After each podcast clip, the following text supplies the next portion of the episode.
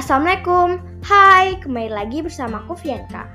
Di episode kali ini, aku akan menceritakan perubahan hidup selama pandemi khususnya bersekolah secara online. Selama pandemi ini, semua kegiatan harus dilakukan di rumah termasuk bersekolah. Pada awalnya, aku merasa sedih dan bingung dengan perubahan ini. Sebetulnya, ada senang genaknya sih belajar online. Senangnya, salah satunya aku harus takut terlambat ke sekolah karena kena macet di jalan.